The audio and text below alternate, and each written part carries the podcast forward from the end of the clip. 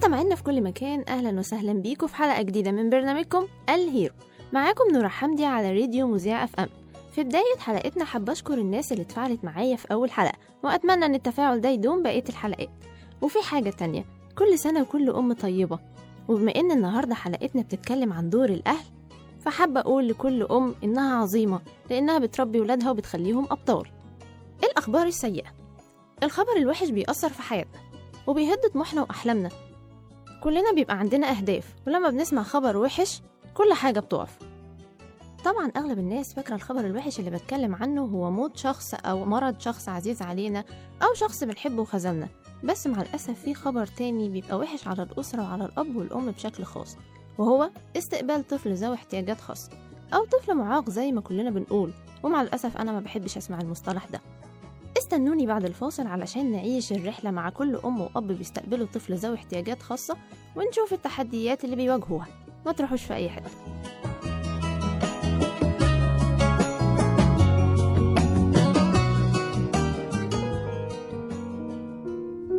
أنا عندي حلم وفي يوم أكيد هقدر وطول أبعد سما.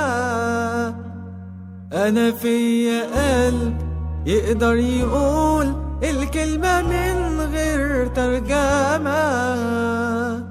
بحلمي كل في يوم كيان واخد مكان وأوصل لأحلى من أمان. الشمس نورها عشان يبقى لازم تكون الدنيا قبله مضلمة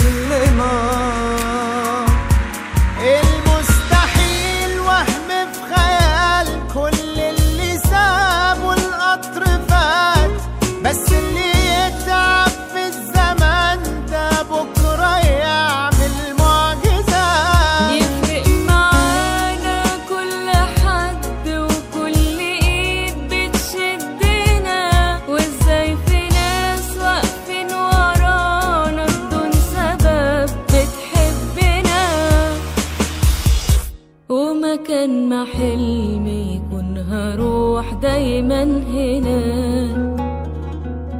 في حلم مستنيني على خط النهاية.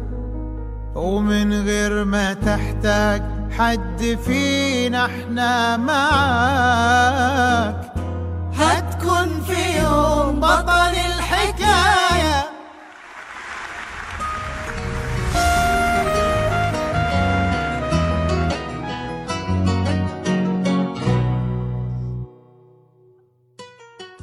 ورجعنا لكم تاني بعد الفاصل وزي ما اتكلمنا قبل الفاصل إن خبر استقبال طفل ذوي احتياجات خاصة بيأثر على الأسرة وعلى كل أم وأب بشكل خاص.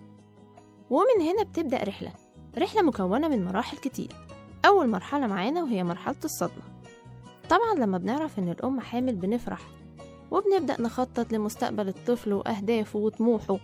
وأول ما بنسمع الخبر ده الدنيا بتقف وأحلامنا كلها بتروح. مع الأسف. كل أب وأم بيتصدموا.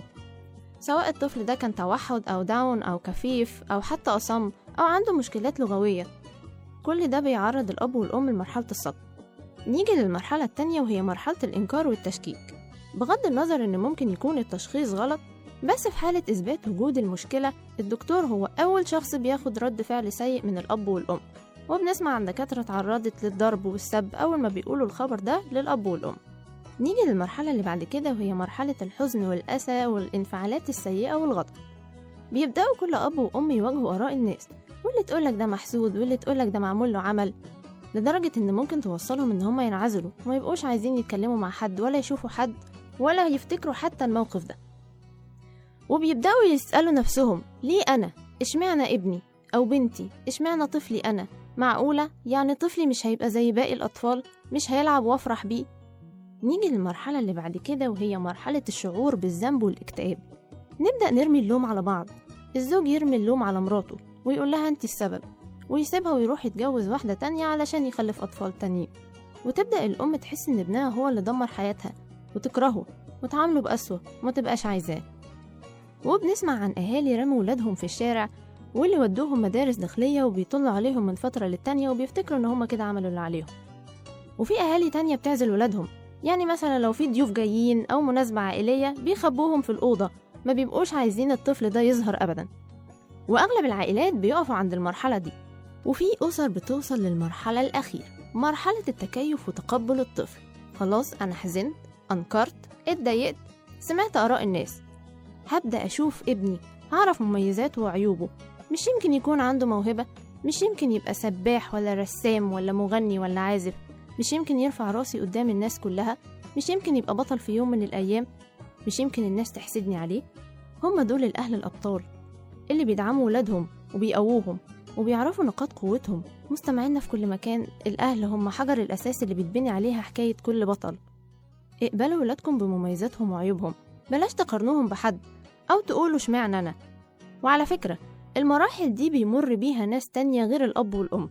لو شاب أو شابة بالغين وتعرضوا لحادثة وراحت منهم أي حاسة من الحواس بيعيشوا كل المراحل دي ويا إما بيستسلموا لنظرات الشفقة والعطف والمساعدة يا إما بيكملوا حياتهم وكأن شيئا لم يكن وبيقرروا يبقوا أبطال. مستمعينا في كل مكان ما تخلوش حاجة توقفكم مهما كانت الظروف كملوا حلمكم. وبكده تكون انتهت حلقتنا. كانت معاكم نورا حمدي على راديو مذيع إف إم استنوني الأسبوع الجاي في حلقة جديدة. السلام عليكم.